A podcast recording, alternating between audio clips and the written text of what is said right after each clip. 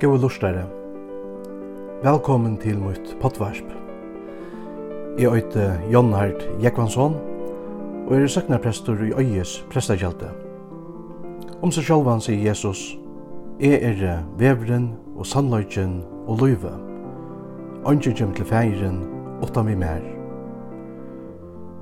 Akkurat støva i fyrir Jesusa, hefur avløykans fylgjer fyrir jokkom. Vi mittel anna praktikon, bibliotøymon og fyrelestron, ikkje tøy vi hesson potvarspe, at varspa jaus og Jesus, og av glei på skapen om han. God sikning.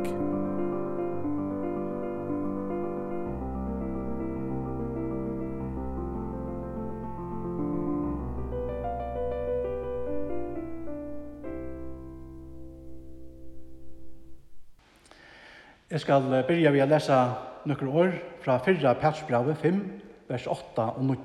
Herta stendte såleis.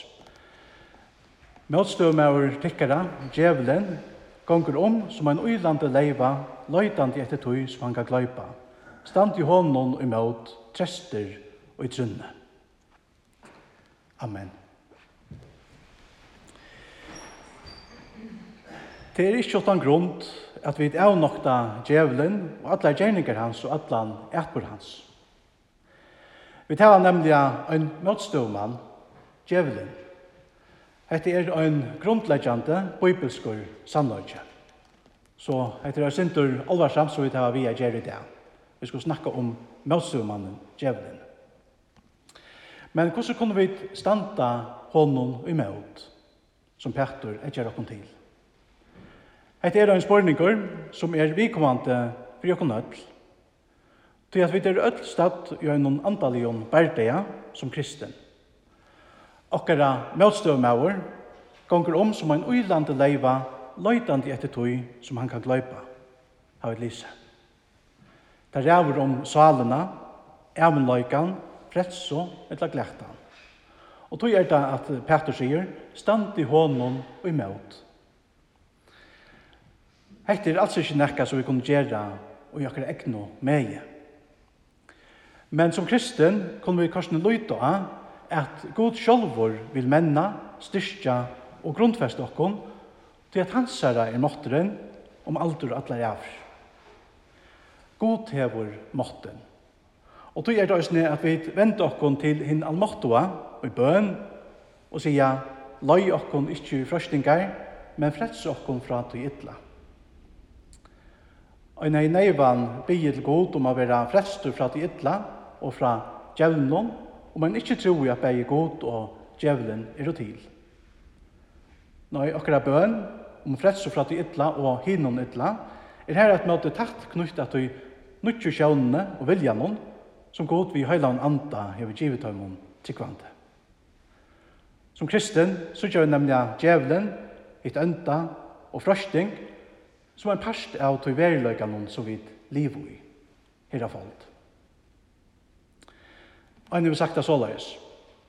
Ta vidt vera frøsta, er det nok ofta bare en spurningur om tog, åren vid snava og fatla. Kanskje standa vid imot hese fer og neste fer, men fyrir etla søytene snava vid. Årsøkjen til hekta er, at vi etter sindafatle, har vært innara linte til å gjera ta undan. Så vi er jo ikke syndere tog at vi synda, men vi synda tog at vi er jo der. Så er det akkurat støva her av folk. Bibelen legger oss ned dette at kristen hava flere forkyndar. Djevelen og kjøkte, ta å si sinta horen og jakken, og heimren, ta å si at han sintafallene og avgodlige heimren altså den godsfjenske heimeren. Talan er altså bare om en ytra og en innara fyrtjenta. Om man ikke tror at bare ta ytra og ta innara gjør seg galtande, da vi vera frøsta, så vil det avgjørligt til å kunne skilja Bibelen og Bibelen er båskap. Hvordan hadde vi ta kunna fæta årene til Jakob apostle, til dømes da han sier, men øyne hver vil frøsta vår, da han vil drien og lokka vår av sin egnu gjeld. Ein og hver er frøstaver, ta han ver drien og lokkaver av sin egnu gynd, sier Jakob. Talan er altså bæg om en ytra futjenta, som frøstar okkon, og en innara futjenta. Ta å si okkara egni hovor til syndina. Mynden som Bibelian gjør okkon, hesson vivujande, er altså at en øntor og ytre måttor er til, som arbeider hardt for å få okkur menneskje til å lette okkur være drien og lokka i av okkur egnu gynd.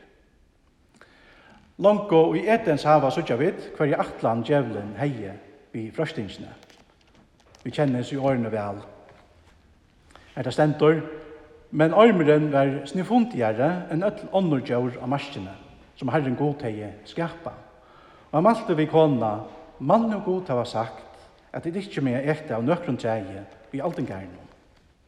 Kona sværa i armnon, av avvøkstun triana i altingarne med av ekta, men av avvøkste treasen som stendur i myen altingarne, har god sagt at vi med ikke ekta og ikke nærsta ham. Det annars verir deien okkon viser. Men armren sværa i og sier vi kona, til skulle alls ikke dodja. Og i hessen teksten, så kjør vi først og fremst at uh, djevelen, som det stendur, er snufundigur. Det vil han er snildur. Snuen. Han fær menneske til at Iva stoi, tog som god hever sagt.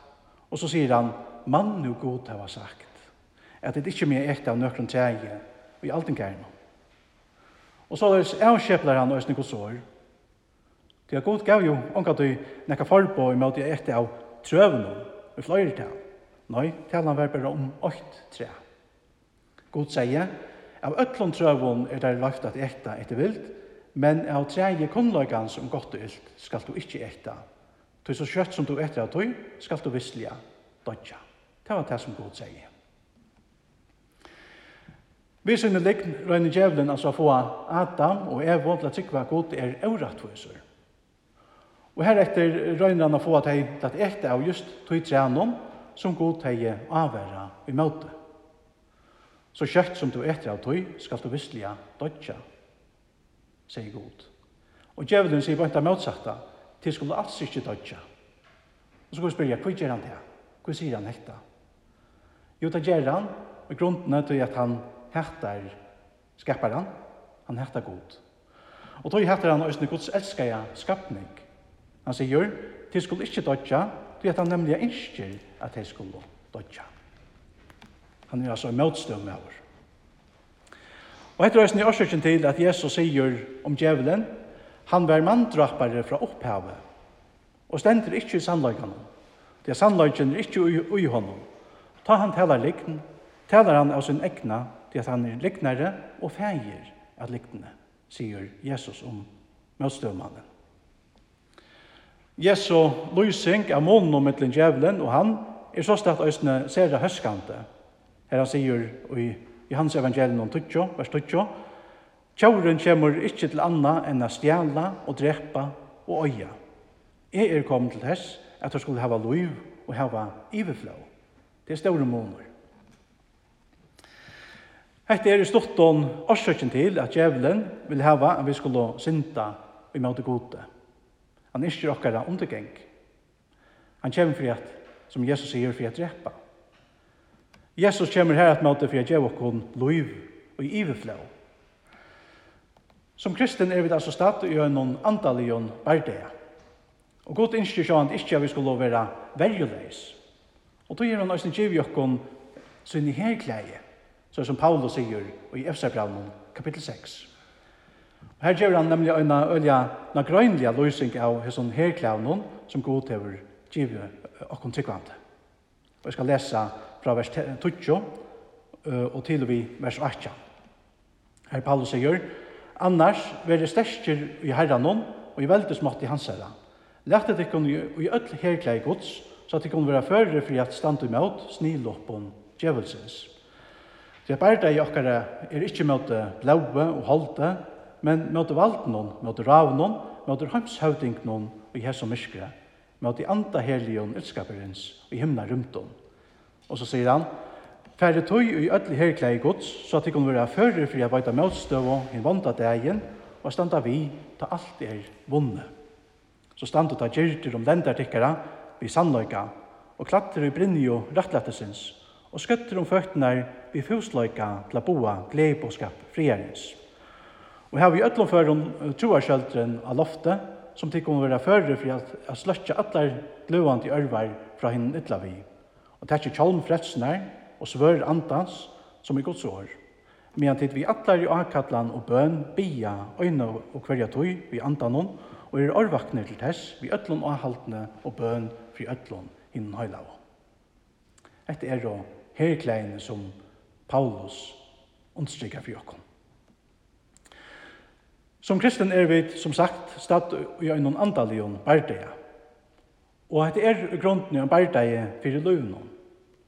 Vi trunne av Jesus er vi jo frelst og hava, som det stendt skriva, stige i rom fra deianon til løyve.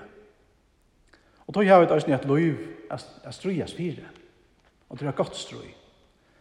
Vi hava en så er strujas fire. Styrkina til at her strøye, og jeg vet ikke i okken sjalvån, styrkina og jeg vet i herranon, og i veldig småtte hans herra. Utan han kunne vi ikke gjøre. Akkurat fortjente er sera sterskur. Og utan godt styrke og et hans herra herkleie, kunne vi ikke standa djevnen og imot. Og i bøyplene er djevnen nemlig av lustur som en sterskur motstøvmøver som en uilande leiva lausa vid. Og så kan vi spørre, hva kan en ansamhet og verjeleis menneska ta og møter en, en, leiva? Vi kan altså ikke gjøre. Vi kan kanskje bare renne undan. Og då sier Bibelen at vi må hava Jesus i gjøre løyve. Han har jo langt å sikra av disse leivene, av gjeldene og øtlom tog ytla. Tog er det også bare oi Jesus er vi kunne standa djevnen og imot. Paulus han sier i i øyne stedene, jeg er ikke alt i hånden som gjør meg sterska.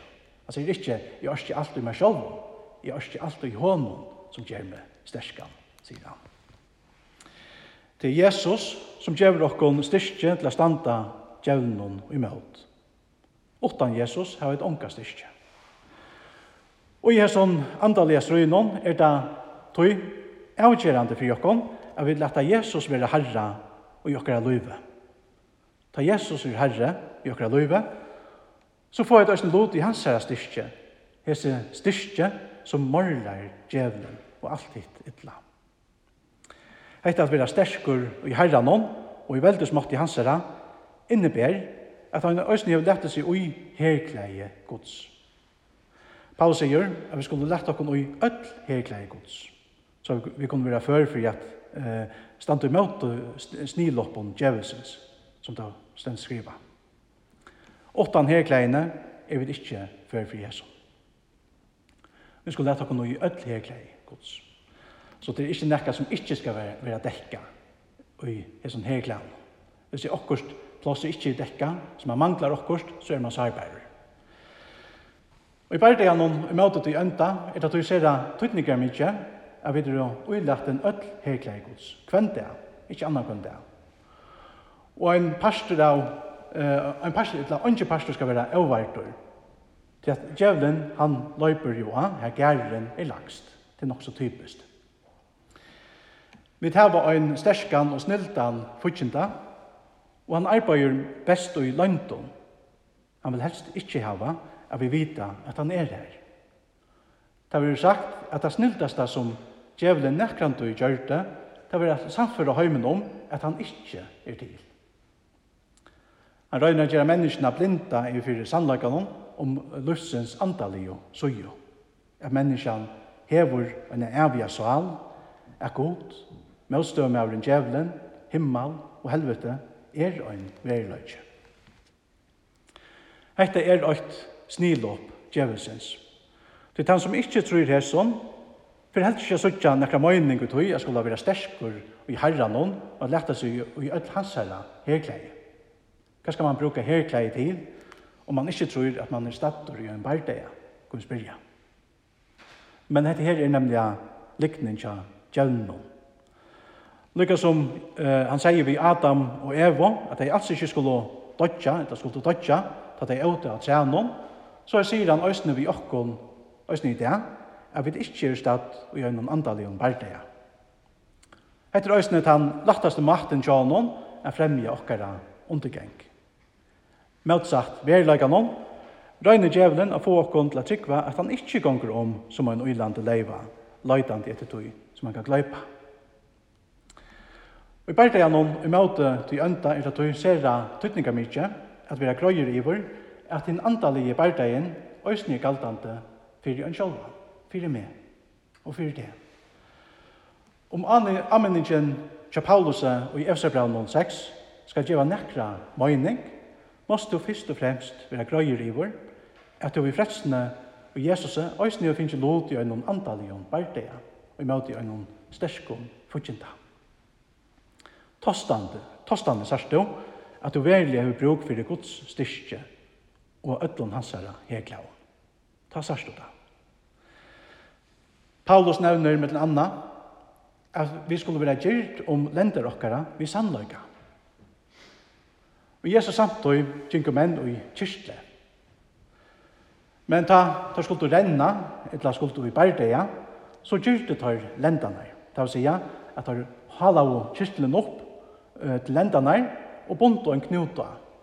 Og på henda maktan kunne tar vera boner til at renna og til bardeia. Av samme hatt er vi døysene byggvinn til bærdeia, da vi er erogjert om lendene vi sannløyga, vi gods sannløyga. Vi tar langt å være inni av at djevelen er en liknare, og at han er feir at liknare. Loika av fyrsta antoi, er djevelen brukt liknare i møte jokko. Han soar iva om gos år og sier, så vi tar då, mann og god har sagt. Dette gjør han og snidda. Og tog er det òsne vi godt sannløyga, at vi avduka djevelen og vinna av honom. Jesus han gjør okkon og ser godt døme om hekta i Matteus evangelium 4, vers 8-11. Jeg vil lese om hvordan djevelen frøstar Jesus i øyemørsene. Så Jesus han kjente vel til at her være frøstar, lykka som vit.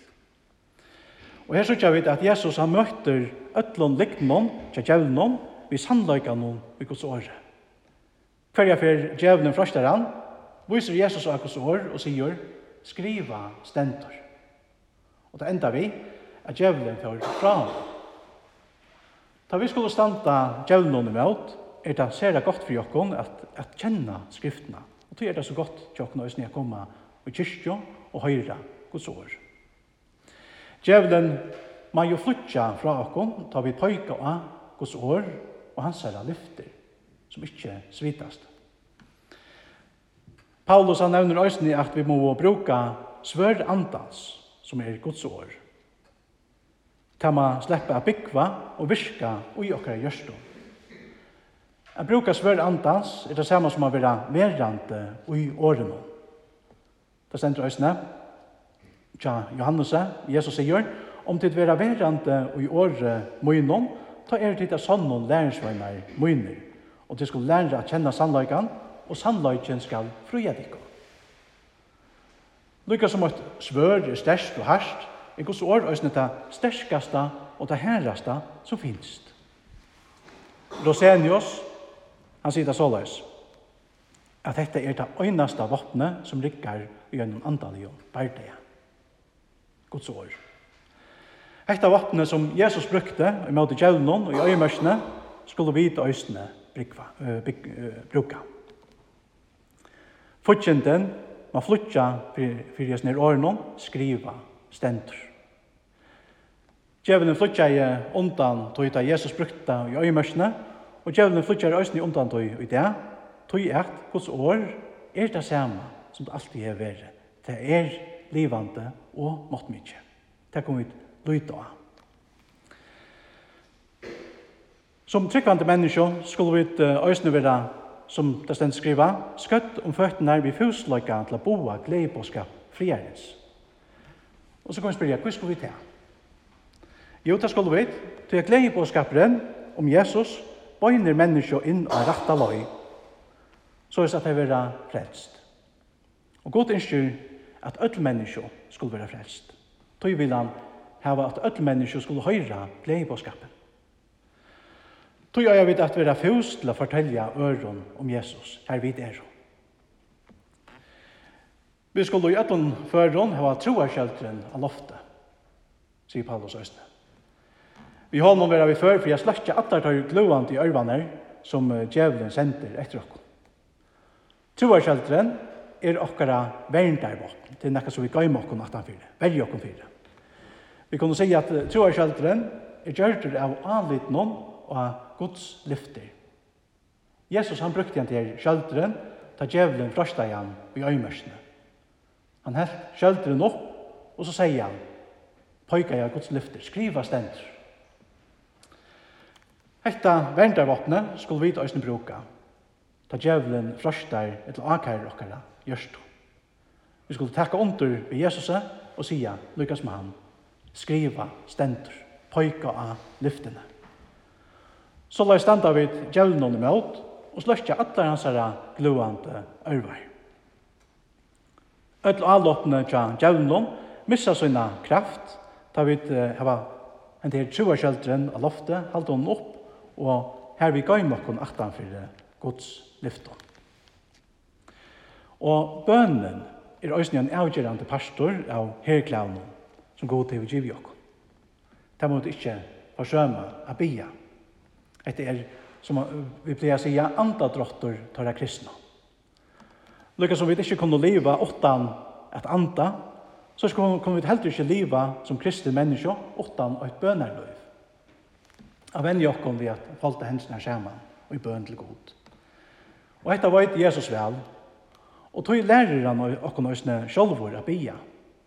Her tar stentor, til Matteus, at Jesus sier, Men til at du heldur bøn, ta fer innar i kamertøyt, lett aftur hortøyna, og bi til fægertøyn som er i London, og fægertøyn som ser i London skal gjalda tær. Stor lyfter er røsning knukte at bøn. Paulus han sier, Vi er ikke større for nøkron, men lett i øtlån loton troan tikkere komme fram for god i akatlan og bøn vi tøkk, og Guds frigjør som ber av øtlån vite skal varvaita gjørste tikkere og hoksane tikkere og i Kristi Jesus. Så hette er frukten som vi får i løgnekammeren, da vi der i bøn. Vi vil være varvågt og trunne av Jesus.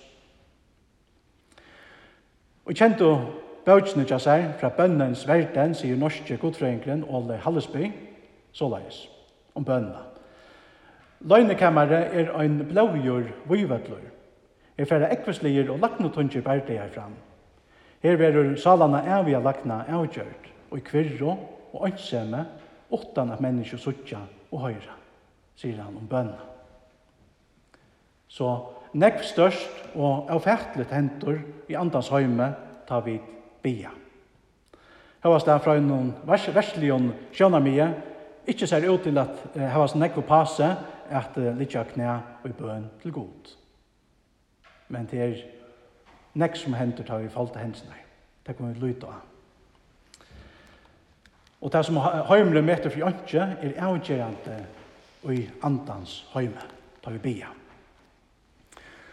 Vi kan takke døme til Daniel, etter stender om bønene, om bøn Daniels, her stendet, men han er en taleie og bæ, og jotta i synder og synder folksmunns og Israels, og frambær fri Asjon Herrans Gudsmunds mine bønner og bønner, ta kom Gabriel, som i avre hei seg og sjønne, vi fer flikvande takt til mun. Og da han var kommet, malte jeg ved meg og sier, Fyrst at du først er bia for et år ut. Og nå er vi kommet og kun gjøre det her til. Sier leser vi ikke Daniel. Og i tog løkta Daniel for bia, var ønskjelen Gabriel sender ut vi øyne året fra gode. Så det hendur sannlega nek størst og avfærtligt i andas høyme da vi falta okkar hendur.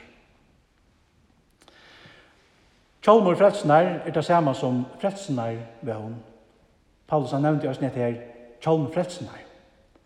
Vi fredsvevnene har et vevn mitt i hessen her løyvnån som ofta kan tidsast myst og vevnløst vekna ter mange løyingan her, så vi kunne møta i løyvnån.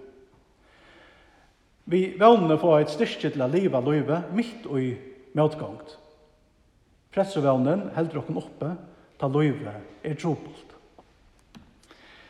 Djevelen regner å få dere til at djeve opp ta vi møter møtgångt. Han regner å få dere til at ivast om Guds rettvise. Han regner å gjøre det så løs at vi vil ha etten oppe av borskleika, så er vi sier god fra dere, lykka som han frøster jobb til å gjøre det. Men det skal han ikke slippe å gjøre. Vi tar var bruk for vevne, da vi skulle standa gjelden og imot. Tøy mot oss liva og anda her som vevnen er, nemlig oi Jesus. Her er vevnen. Og i daglige fellesskapen vi Jesus. Djevelen sender sine gluande ørvar i møte jokkom. Han akkærer jokkom, for jokkara sinter, og røyner å få oss til å missa okra kristne vøvn. Det røyner anhaltande. Men akkærene er tja djevnon er jo røynt og verre og tøvmer. Det er alt det som han akkærer okkur fire, hever Jesus langt og galt fire. Det er langt og galt. Vi er ikke fordømt til at Jesus var fordømt og i okkara sted av krossen. Det er godt å minnes til det. Her vi hever han også strike ut okkara skuldabrav. Og ta djevelen og akkar rokkon, fyrir okkara sind, der som stendur høysen skuldabraunon, så kommer vi takka under Paulus og sia, som han sier i Rømmerbraunon 8.8, så er det nu ønsken fordøming for deg som er og i Kristi Jesus. Ølja grøyt. Ønsken fordøming for deg som er og i Kristi Jesus. Sjalt om vi merkja sindna og i okkara løyve det og daglige, og sjalt om djevelen kan skal akkar rokkon fyrir just hesa sindna er det og daglige, så kunne vi då i fri med å takke under vi Jesaja profetet, og han sier, Stauron er gledest i herran om, om god mun feknast mun sal. Det at han har lært meg i freds og bona, svøypa meg i rettlettes kyrkjo. Vi kunne lyta fullt og fast av at Jesu blå rønsar okkur fra atlare synd. Og akkar nær tja djevnon missa sinna kraft, tar vi pøyka av Jesus og han ser blå og rettvise. Så Jesus, han er okkara rettvise. Han er okkara frelsebønne. Han er okkara brinja. Og tog kan vi alltid lova gode og synkja, som vi til dem synkja i øyne synkja, røyner som kjave, frelse i heve, finnkje vi Jesu Kristi blå, åre mer sier, at nu er frigjør finnkjen til lampe, fyrtjentans lov, Prestur i ere sæler bestøy, Jesus sko sonur deian tjekk ui, frelstur fra døme, himen i haume. Amen. Halleluja.